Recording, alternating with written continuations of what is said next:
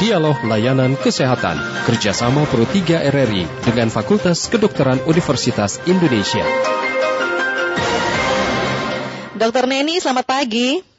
Ya, selamat pagi Mbak. Iya, apa kabar dok? Sehat?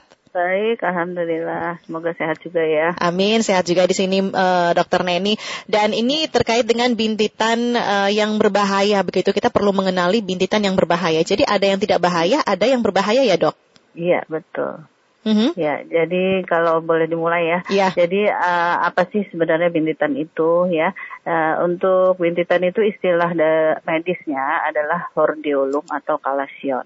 Jadi sebenarnya dia itu adalah peradangan dari kelenjar minyak di kelopak mata kita, ya baik di kelopak atas maupun kelopak bawah. Nah gejalanya itu seperti biasa mungkin uh, para pendengar juga sudah tahu ya, ada benjolan di kelopak yeah. Dan biasanya disertai nyeri, tapi kadang juga tidak, juga disertai kemerahan, kadang juga ada tipe yang tidak, dan kadang-kadang keluar nanah uh, ataupun juga bisa tidak dan juga terasa mengganjal ya. Jadi uh, ada dua tipe ya kalau hordeolum ada dua tipe. Jadi di kelopak kita itu banyak kelenjar minyak. Jadi ada yang di sisi luar, ada yang di sisi dalam. Mm -hmm. Jadi kalau yang di sisi luar itu ada gangguan uh, peradangan sehingga tersumbat itu kelenjar minyaknya sehingga timbul benjolan ya yang kita sebut hordeolum externum atau yang mungkin orang-orang uh, udah biasa tahu nih yang kayak bisul ya jadi ada mm -hmm. matanya.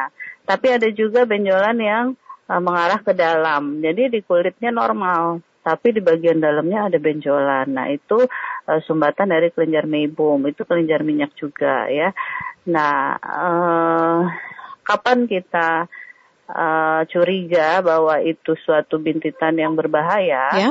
Ya kan biasanya orang-orang kan menganggap oh bintitan itu nanti akan sembuh sendiri. Iya hilang gitu sendiri ya. gitu dok. Oh, dikompres-kompres hangat aja. Tapi uh, yang perlu dicurigai itu kalau misalnya sudah berobat nih ke dokter ya, berobat ke dokter jadi bukan yang obatin sendiri ya, yang tidak sembuh-sembuh lebih dari satu bulan, atau dia berulang di lokasi yang sama, atau misalnya ada bentuk yang tidak seperti biasa, jadi ada seperti luka, kadang-kadang keluar darah, hmm. ada nanahnya ya, atau misalnya benjolannya yang tidak rata ya uh, ada berbenjol-benjol. Biasa kalau bintitan yang baik itu uh, uh, yang tidak berbahaya itu dia benjolannya bagus, mulus gitu ya, licin ya. Tapi kalau ini yang tidak yang berbahaya itu yang berbenjol-benjol. Atau okay. misalnya ada pigmen kehitaman atau misal uh, yang paling penting ada hilangnya bulu mata di area yang bintitan. Mm -hmm.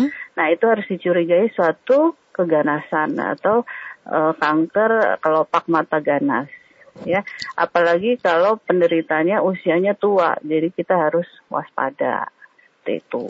Oke, jadi sebenarnya uh, yang menyebabkan adanya bintitan itu apa sih dok? Ya, jadi bintitan itu peradangan dari kelenjar-kelenjar minyak yang ada hmm. di kelopak mata di bagian luar maupun di bagian dalam itu.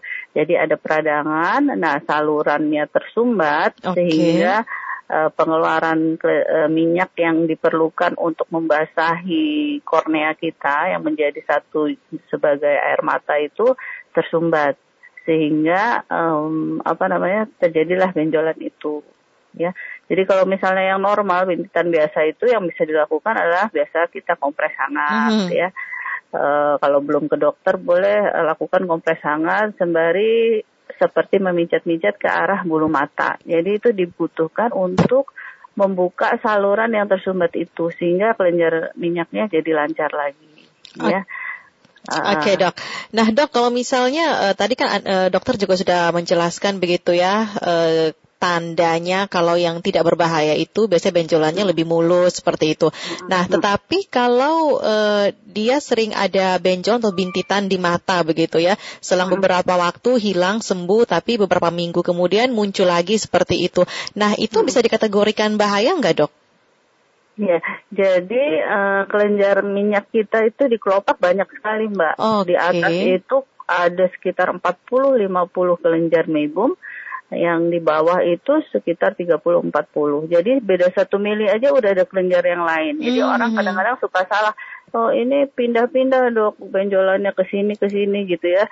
Kadang kiri, kadang-kadang itu sebenarnya infeksi baru ya. Jadi uh, kelenjar yang kena uh, berbeda-beda ya. Selagi dia masih bentuknya licin, lalu ada tanda-tanda tidak ada tanda-tanda yang tadi saya katakan berbahaya, bisa saja orang memang sering bintitan ya. Kadang-kadang yeah. ada pasien saya sering makan telur tuh. Uh, setiap minggu berobat karena bintitan. Terus saya tanya sering sering makan telur nggak? Ternyata iya. Begitu telurnya di stop dia langsung bintitannya eh, nggak uh, muncul sembuh. lagi iya ya tapi tentunya kalau tiga hari dikompres sendiri nggak nggak nggak sembuh sebaiknya ke dokter ya untuk diperiksa lebih lanjut karena uh, yang tadi saya bilang berbahaya itu memang ada bentuk yang mirip seperti seperti yang jinak. Oke. Okay. Kadang-kadang dokter juga uh, suka misdiagnose, disangkanya mm-hmm. oh ini bintan berulang yang biasa, tapi ternyata itu uh, mengarah ke suatu gambaran keganasan. Ya. Oke, okay. ada tanda atau gejala lain nggak dok selain tadi uh, muncul nanah, terus uh, benjolnya itu ada beberapa benjolan yang muncul seperti itu. Mungkin ada gejala yang muncul uh, tanda di tubuh kita begitu ya dok ya misalnya demam seperti itu hmm. atau ada uh, uh, ini yang mengarah bahwa yang mengingatkan bahwa, uh, itu tuh berbahaya ya. dan harus segera ke dokter begitu. Iya iya.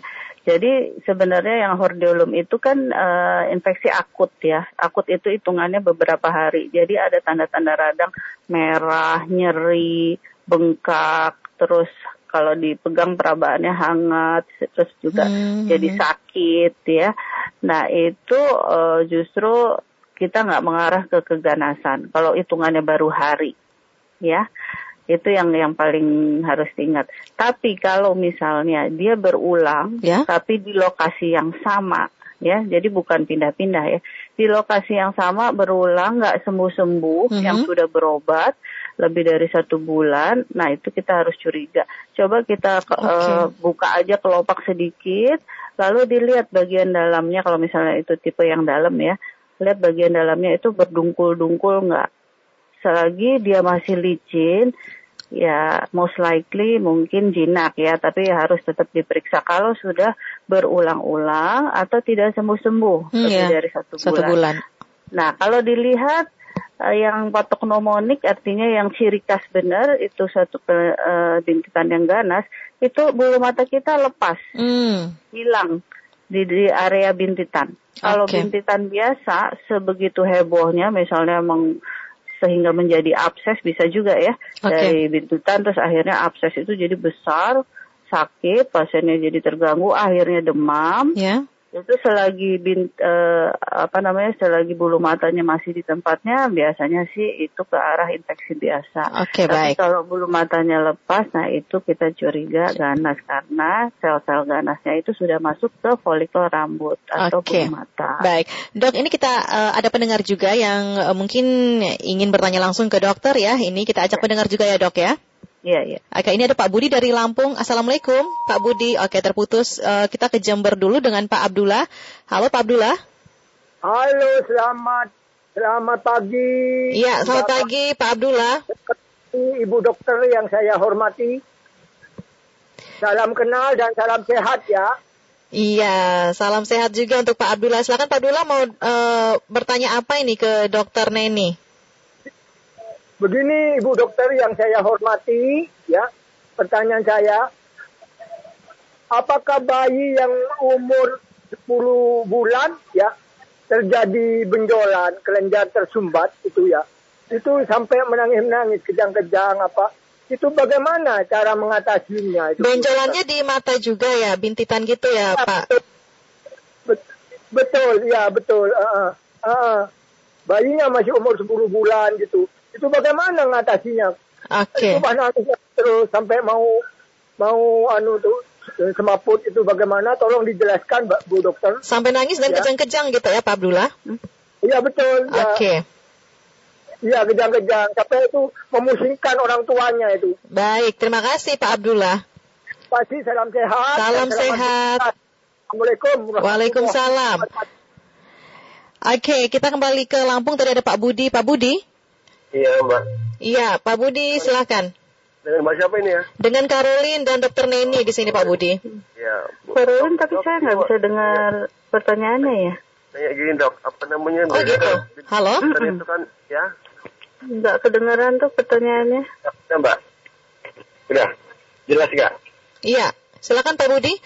Dokter Neni sudah bisa mendengar eh, suara pendengar kita? Belum. Biasanya kan, biasanya kan itu kan, itu katanya kedengaran ini. apa namanya ada sampaikan aja lewat. Iya, iya. Nanti saya sampaikan ke dokter ya. Hmm, Iya. iya.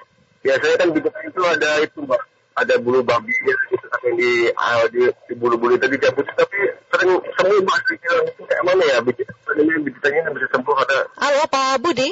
ya? Iya, Pak Budi bisa diulang Pak Budi tadi eh, agak noise. Iya, terputus lagi. Dokter Neni ini mungkin dari pendengar pertama kita tadi Pak Abdullah ya di Jember. Ini yang menanyakan bahwa bayi 10 bulan ada bintitan di mata dan ini bisa sampai eh, bayi itu nangis dan kejang-kejang seperti itu. Nah, kalau gejala seperti itu eh, gimana kategorinya apa itu, Dok? Oh, jadi kalau bayi ya itu takutnya di eh, apa namanya salah salah salah pengertian atau salah menduga mungkin saja itu bukan bintitan tapi bisa juga eh, sumbatan saluran kelenjar eh, saluran air mata. Biasa pada bayi-bayi itu banyak terjadi eh, sumbatan saluran air mata yang di dekat hidung. Apa bintitannya kalau di dekat di sudut mata di dekat hidung itu biasanya eh, beda dengan bintitan yang kita bicarakan ini. Itu kalau bintitan kan peradangan kelenjar minyak. Kalau yang di sudut mata pada bayi-bayi baru lahir atau Mhm. beberapa bulan setelah lahir itu seringnya sih yang terjadi adalah sumbatan saluran air mata yang di dekat Oh, hidung. Oke. Nah itu harus di eh, kalau yang biasa ya harusnya di masase tiap eh, setiap dia mandi, tapi harus diajarin cara mijatnya ya, Hmm?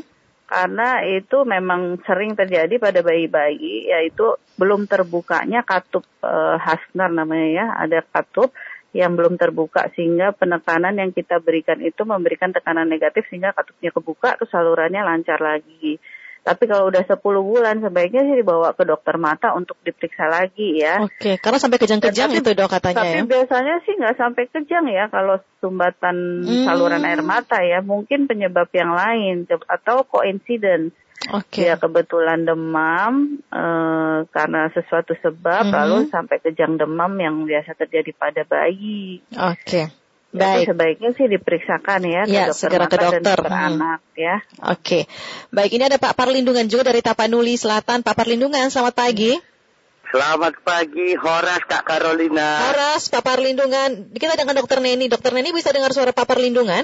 Kecil sekali tapi nggak nggak jelas. Ah, salam hormat saya, Oke. Ibu Nah, Dokter. nggak dengar saya. Sudah dengar ya? Iya, ya. Oke. Salam hormat Ibu Dokter. Halo, Kayak nggak nyambung gitu. ya, halo. Halo, iya. Silakan Pak Iya. Parlindungan nanti saya sampaikan ke Dokter Neni. Ah, pertanyaan saya, saya kan tunanetra, Kak Carolina. Mhm. Saya mencabut rumput terus di pondok pesantren saya Ahmad Oke. Basir ah, Nasution di Tapsel. Tapi ke- pernah kena ini lalang lalang itu sampai sekarang mata saya kayak ada tai-tai matanya kalau pagi itu rasanya nyeri sekali nge- nge- nge- ngelap itunya pakai tisu ah, tai, tai- kotoran matanya Kotoran gitu. matanya. iya Terkena lalangnya di dalam mata begitu atau? Eh, pernah kena di pelipis apa nih nih di pinggir bulu itu Oke. pinggir bulu lalang itu kan tajam itu Hmm. ya pinggir apa daunnya ya kak Ah, udah seminggu masih masih tetap ada tai tai matanya kalau pagi susah banget dibuka matanya gitu Tapi eh, tidak muncul bintitan atau benjolan kayak gitu ya, enggak Pak? enggak hanya bekas eh, kayak luka aja tapi udah Hmm. seminggu lebih Sudah Ah, seminggu lebih ya? Carolina. Ah, saya tunanetra kan Oke, baik. Eh, ya, ya itu Oke, aja terima kasih, Pak Perlindungan. Horas, Horas. Ya, itu Pak Perlindungan, ada Pak Marzuki juga di Depok. Halo Pak Marzuki, selamat pagi. Pagi Mbak, Iya, Pak Marzuki gimana? Bu Dokter saya mau tanya begini Bu Dokter, halo Bu Dokter. Iya, Bu Dokter mungkin kesulitan saat ini mendengar eh, Pak Marzuki ya, jadi disampaikan saja Pak Marzuki. Saya mau tanya begini Mbak, Ah, ab- ab- ablasia itu sih apa? Soalnya kebanyakan dokter gagal dalam menangani katarak ablasio. Yang kedua, apakah ada harapan sembuh bagai eh, penyakit mata yang udah min? Soalnya di lapangannya kayaknya kalau buat sembuh sulit sekali kalau mata yang udah min untuk sembuh. Itu aja Mbak. Makasih Oke, Mbak. jadi ini eh, tidak ada yang bertanya soal bintitan ya Pak Marzuki. Itu aja Mbak ya. Oke, baik. Terima kasih Pak Marzuki dan Pak Parlindungan. Ini kalau Pak Parlindungan, eh, Bu Dokter, tunanetra begitu. Terus eh, kegiatan sehari-harinya mencabut rumput di pesantren. Lalu sudah seminggu ini matanya itu terkena eh, ilalang ya rumput tadi karena tajam gitu ya ketusuk di matanya dan walaupun tidak ada bintitan tetapi matanya itu masih perih dan sering ada kotoran eh, mata setiap harinya seperti itu. Nah, ini mau ditanyakan eh, kondisi seperti itu gimana nih, Dok? Iya boleh aja. Eh, jadi itu mungkin kalau kena benda asing bisa juga dia ada infeksi di korneanya ya di bagian hitam mata. Biasanya kan ketusuk tuh ya yang sering terjadi. Atau eh, infeksinya jadi berat tidak diobatin bisa jadi seperti luka di kornea. Nah itu eh, agak lumayan berbahaya ya. Sebaiknya ke puskesmas terdekat ya. Nanti harus dapat eh, obat tetes antibiotik. Itu Ah, itu pasti ada infeksi ya. Apalagi ada beleknya ya, ada kotoran ya. Hmm, baik. Jadi harus eh, sebaiknya ke puskesmas begitu ya? Iya, iya. Di puskesmas da, apa eh, di remote area juga pasti dia punya eh, tetes antibiotika ya untuk Hmm, hmm, hmm. infeksi ya. Kalau kasus-kasus infeksi bisa diatasi di puskesmas. Tapi nanti misalnya udah makin berat, biasanya nanti dirujuk ke rumah sakit yang lebih eh, lebih tinggi ya. Oke, baik. Dok, sebenarnya kalau eh, bintitan itu bisa menyebabkan eh, kehilangan penglihatan nggak sih dok? Pengaruhnya ke situ ada nggak? Nggak ya? Tidak, tidak ya. Jadi bintitan itu kan kelainannya di kelopak mata, tidak berhubungan dengan penglihatan kita. Namun yang yang perlu saya tekankan di sini eh, sebaiknya pendengar ini eh, mengapa topik ini diangkat karena kadang-kadang mereka datang terlambat, Mbak. Jadi Hmm. dianggap bintitan biasa, tapi udah berbulan-bulan ya, kurang dari setahun biasanya tuh udah cukup besar itu. Dari cuma berapa mili, akhirnya dua dua senti, tiga senti, akhirnya Mhm. seluruh kelopak. Nah ternyata itu ganas. Nah kalau ganas, asal masih ada di kelopak, kita bisa lakukan eh, operasi mengangkat tumornya saja. Oke. Lalu dilakukan rekonstruksi kelopak. Tapi yang sudah banyak datang ke kami di RSCM Kirana ya, itu seringnya mereka datang terlambat dianggap seperti bintitan biasa ternyata ganas. Nah, Mhm. terus ganas ternyata sudah masuk ke dalam lebih dalam dari bagian kelopak mata kita namanya di orbita. Terus eh, bola mata juga sudah terlibat. Akhirnya apa? Akhirnya kita tidak bisa melakukan eh, pengangkatan tumor saja, tapi harus mengangkat seluruh eh, mata dan isinya, ya Oh. isi rongga mata. Ya. Karena itu ganas. Kalau ganas kan kita eh, tidak berpikir urusan penglihatan ya, Ya. tapi nyawa. Ya, karena itu namanya tumor ganas bisa menyebar ke mana-mana Ya. ke otak, ke paru, ke kelenjar getah bening sekitar ya. Jadi eh, yang banyak terjadi itu seperti itu. Jadi disangka bintitan biasa, terus berobat akhirnya terlambat, terlambat datang ke rumah sakit yang besar, akhirnya eh, mau nggak mau harus diangkat matanya. Padahal sebenarnya bukan bintitan gitu. Oh Jadi iya.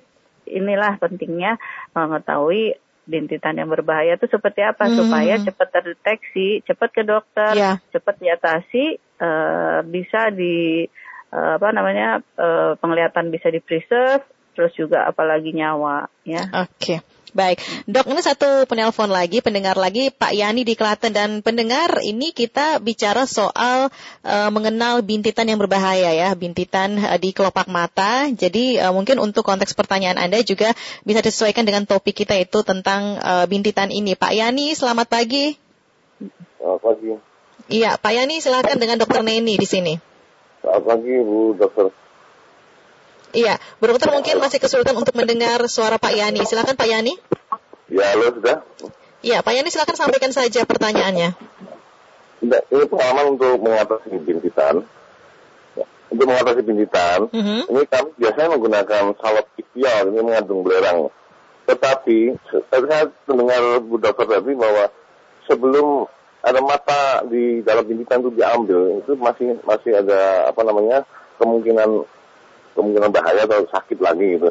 Tapi setiap kita oleskan ke mata, entah itu mata saya sendiri atau si anak atau si istri, itu itu kempes. Oke. Okay. Ya, ini kempes. Nah, saya penasaran nih, apakah setelah kempes itu masih harus diambil misalnya kelihatan apa namanya nota hitamnya atau matanya di bintik itu. Terima kasih. Oke, baik. Terima kasih untuk Pak Yani ya. Uh, Bu Dokter ini Pak Yani tadi pertanyaannya terkait dengan uh, bintitan di mata uh, berulang-ulang muncul seperti itu dan diolesi salap. Salap yang mengandung belerang tadi katanya kalau tidak saya hmm? kalau saya tidak salah dengar ya. Uh, iya, pokoknya diolesi salap. Nah, itu kempes. Nah, uh, tapi sering muncul lagi seperti itu. Ini yang dikhawatirkan apakah harus uh, matanya itu yang uh, harus diselesaikan uh, begitu harus diobati seperti itu, Dok. Bintitannya tapi di kelopak. Mm -mm, di kelopak. Ya itu tadi. Uh, tapi sebaiknya kalau salep ya jangan yang aneh-aneh ya karena pasti beda ya. Kalau bintitan kan seperti bisul ya istilahnya ya kalau orang awam. Kalau bisul di lokasi lain selain di kelopak bisa aja pakai salep apa itu ya. Kalau dulu tuh salep hitam ya namanya ya. Mm. Uh, supaya pecah gitu kan supaya pecah terus habis itu sembuh gitu. Tapi jangan kalau di kelopak itu pasti harus pakai salep mata karena salep kulit dengan salep mata itu berbeda. Oke. Okay. Iya, salep mata itu biasanya ujungnya akan panjang dan dia dibuat memang khusus konsentrasinya yang aman untuk mata. Uh, mata kita. Hmm. Jadi kalau salep mata itu ditaruh di kelopak terus masuk itu nggak masalah. Itu itu normal. Justru memang harus masuk. Karena kalau misalnya hordeolum internum kan kelopaknya yang bermasalah yang di dalam. Justru salep mata itu harus masuk ke dalam ya. Uh, tapi kalau salep kulit jangan dipakai untuk mata ya karena itu konsentrasinya lebih tinggi dan toksik sifatnya ya untuk uh, jaringan mata.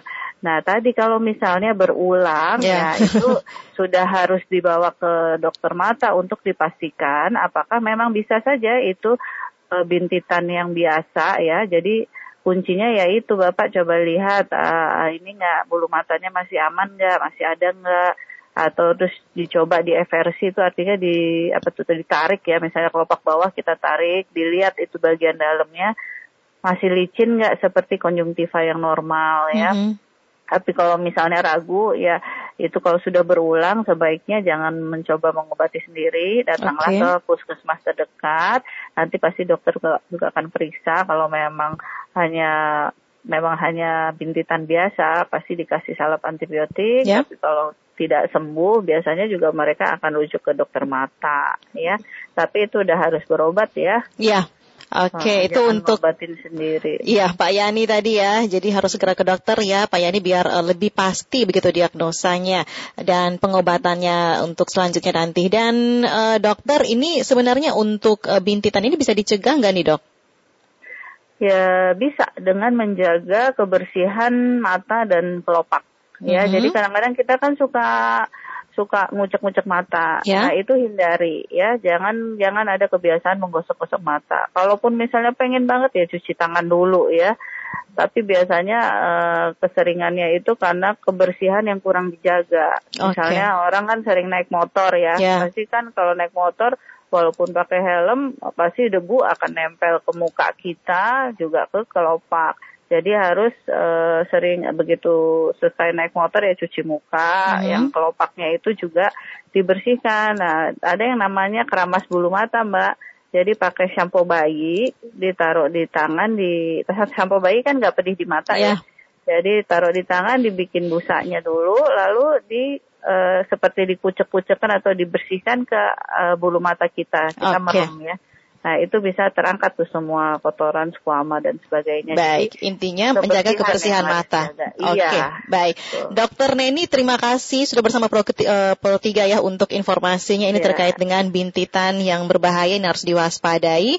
Uh, semoga bermanfaat untuk seluruh pendengar RRI di mana saja berada yang sedang memantau kita ya, Dok ya. Iya. Baik, terima kasih. Selamat bertugas kembali. Ya, Salam sehat ya, Dok. Kembali, ya salam sehat juga. Dokter Neni Anggra ini pendengar ya dari Departemen Ilmu Kesehatan, dokter spesialis mata pendengar. Dan terima kasih juga untuk Anda yang sudah bersama kami sampai dengan saat ini kita jelang bersama pukul 10 waktu Indonesia Barat untuk mengikuti Warta